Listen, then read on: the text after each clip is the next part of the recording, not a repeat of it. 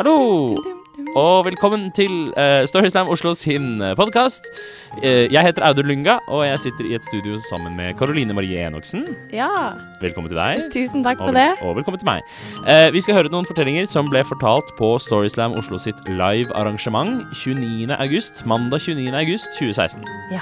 Uh, første forteller det er Borghild Otelie Aasebø Støl. Takk, som fortalte en historie om å ville bli stjerne. Jeg skal bli rockestjerne når jeg blir stor. Jeg syns jeg kler det. Jeg har hullete bukser. Jeg har nettopp kjøpt meg nye bukseseler. Og jeg har et ganske Jeg syns det er kule sko, da. Og det er ikke bare jeg som vet at jeg skal bli rockestjerne når jeg blir stor. Det har også mine foreldre skjønt. Endelig. De tenkte seg nok eh, mer noe i retning av konsertpianist da de meldte meg på pianoundervisning før fylte seks år. Og sånn gikk det ikke. Pga. en meget eksentrisk og spesiell polsk pianolærer. Når jeg var seks år, så så jeg ganske lik ut sånn som jeg gjør nå. Bare litt lavere og litt mer fyldig i bredden. Jeg hadde ca. samme bukse med ca. samme hull, men jeg hadde borrelås på skoen. Og jeg hadde lært hjemme å spille Lisa gikk til skolen med høyre pekefinger. Jeg kom inn til min første pianotime. Jeg var nummer åtte i rekka. Min pianolærer, han Lekk, hadde hatt åtte barn før meg som kunne spille Lisa gikk til skolen med høyre pekefinger. Min pianolærer Lek var en høg mann. Han hadde store, buskete øyenbryn.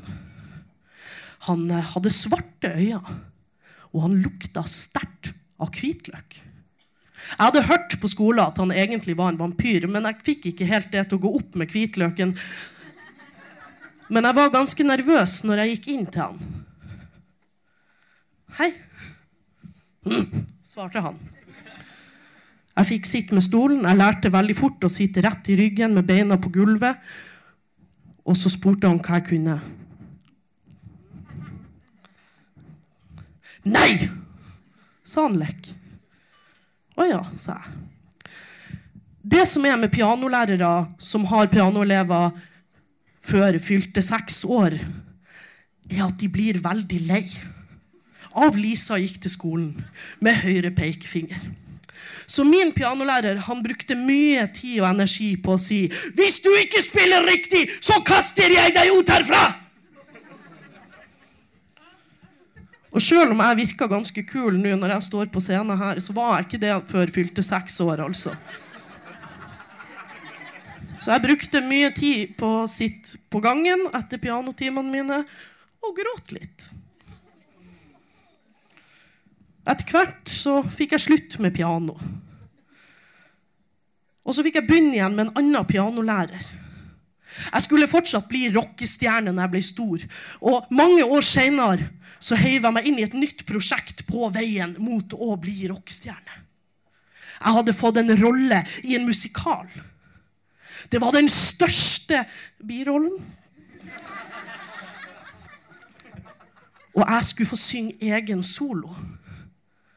Problemet mitt, eh, Grunnen til at jeg ikke har blitt rockestjerne ennå, forresten, er at jeg er ikke så veldig glad i å øve. Jeg regner med det ordna seg. Men jeg kommer inn full av overmot, kjempe 18 år og arrogant, og skal synge min solo som jeg har fått på CD-opptak med tekst i handa. Har aldri hørt sangen før og tenkte det her ordna seg. Men hvem er det jeg møter i døra? Jeg ser svarte øyne. Store, buskete øyenbryn. Og jeg blir seks år igjen. Hei. Jeg heter Borghild. Ja, hei, Borghild.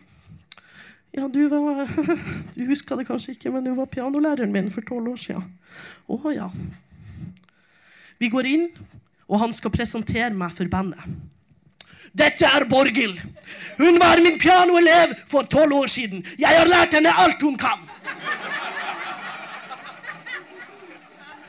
Og så ser han på meg med et lurt blikk og sier Og hun gråt og gråt og gråt.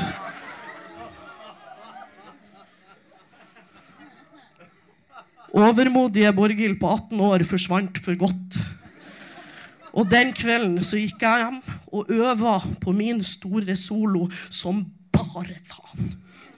Jeg øva og øva, og jeg måtte flytte ut i garasjen, for mamma var så lei av den sangen.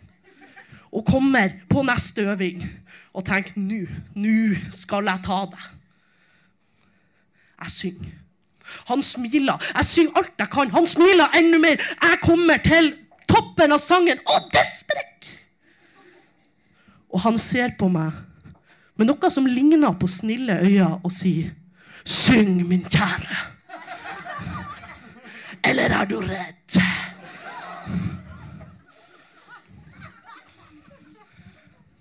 Det gikk ganske bra med den musikalen for meg.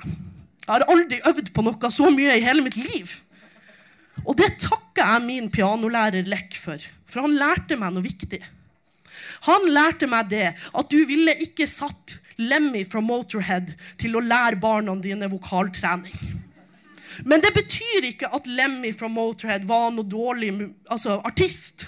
Han var jo helt fantastisk. Og sånn var det med han Lech.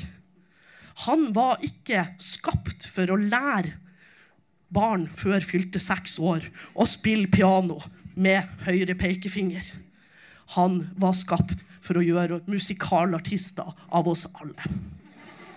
Tusen takk for det.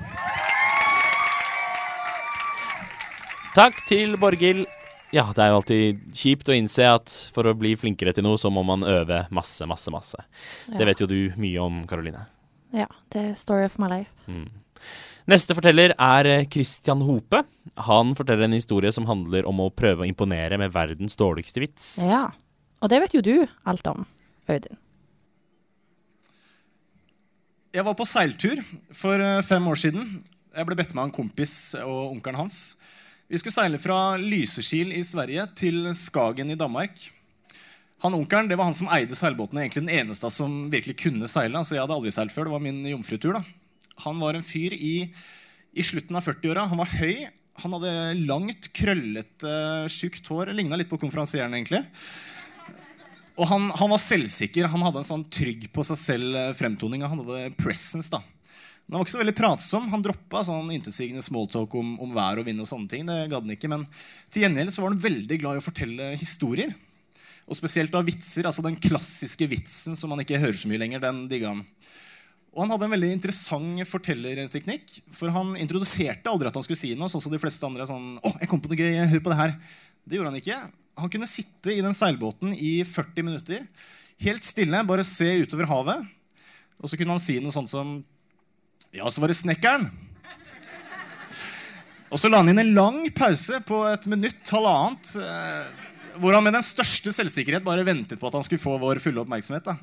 Og akkurat når det kom til det punktet hvor vi lurte på om altså, kommer det egentlig noe mer da, eh, da fortsatte han på historien. da. Og sånn gikk det. vi hørte, Så var det dansken. Ja, så var det naboen, da. Og da kunne vi klokke inn et minutt, så visste vi at vi hadde rimelig god tid på å summe oss før det kom noe mer. da. Selve båtturen den var preget av uh, mye sjø, og jeg blei helt sinnssykt sjøsyk. Altså Omtrent fra vi forlot Lysekil til vi var i Skagen, så lå jeg over ripa på den båten og spøy og spøy og spøy til jeg ikke hadde mer å spy. Og så begynte jeg å gulpe magesyre og hadde tårer i øya. Jeg lå i fosterstilling og uffa meg som liten treåring. Jeg var forbi det stadiet hvor det er bleik, og det ble kommentert i båten at huden min hadde fargen grønn. Det var første gang noen hadde sett. Så jeg ligger der, patetisk og ynkelig, og så hører jeg plutselig onkelen dra i gang foran på dekk. Ja, så var det han uerfarne.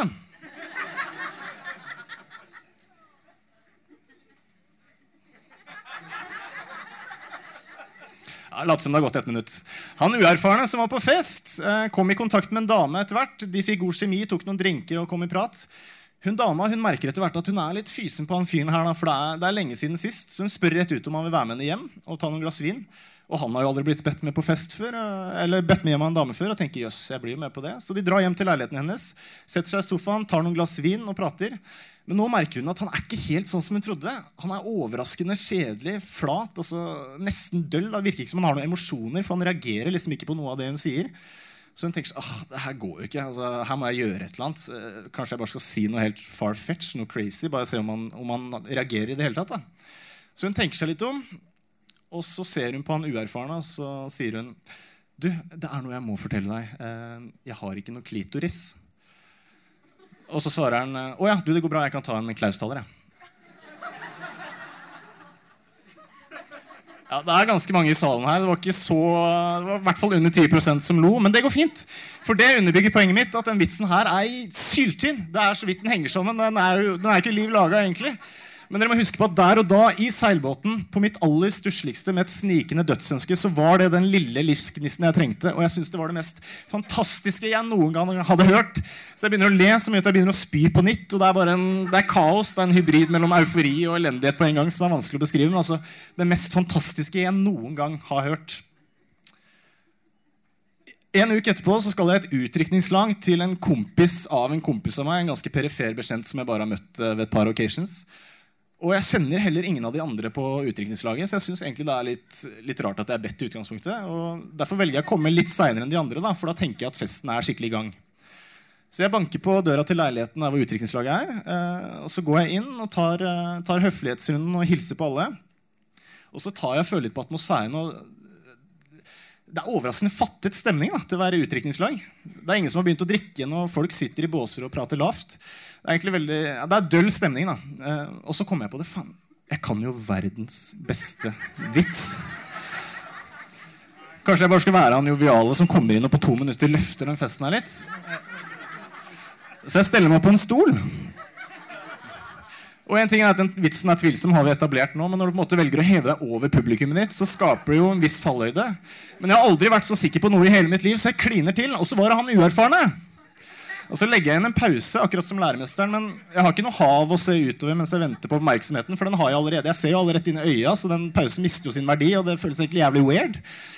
Og jeg, jeg tror jeg drar den pausen litt langt, for plutselig så hører jeg en som sier sånn Ja, hva var det med han uerfarne, da?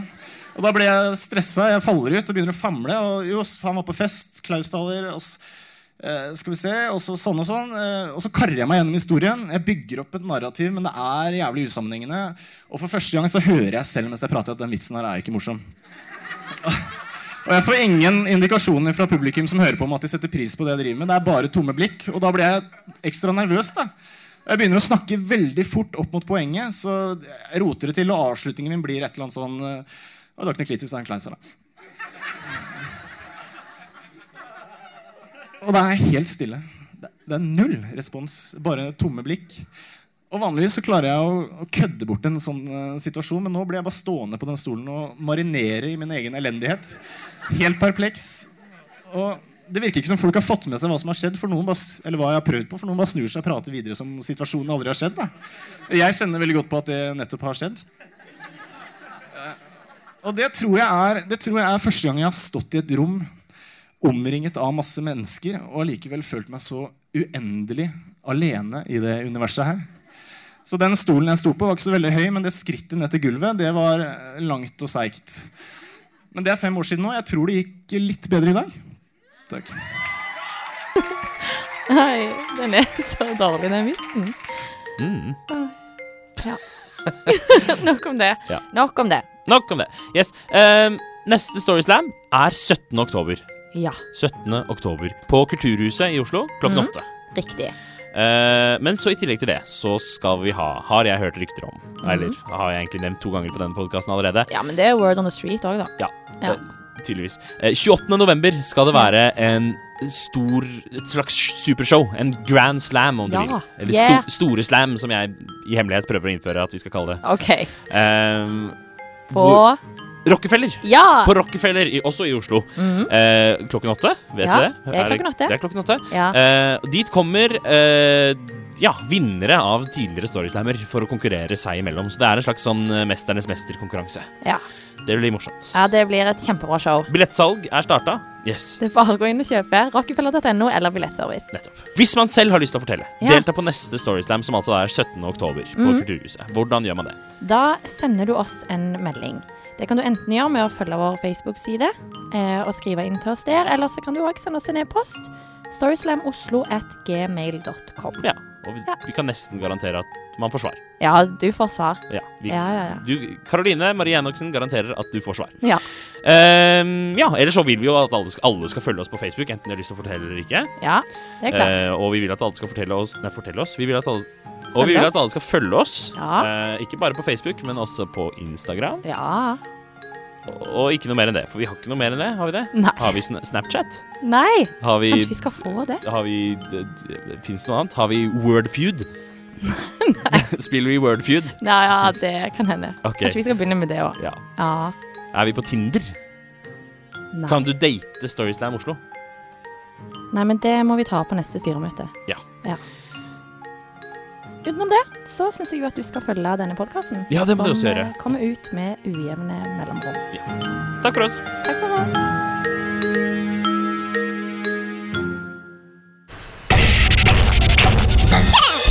Monster.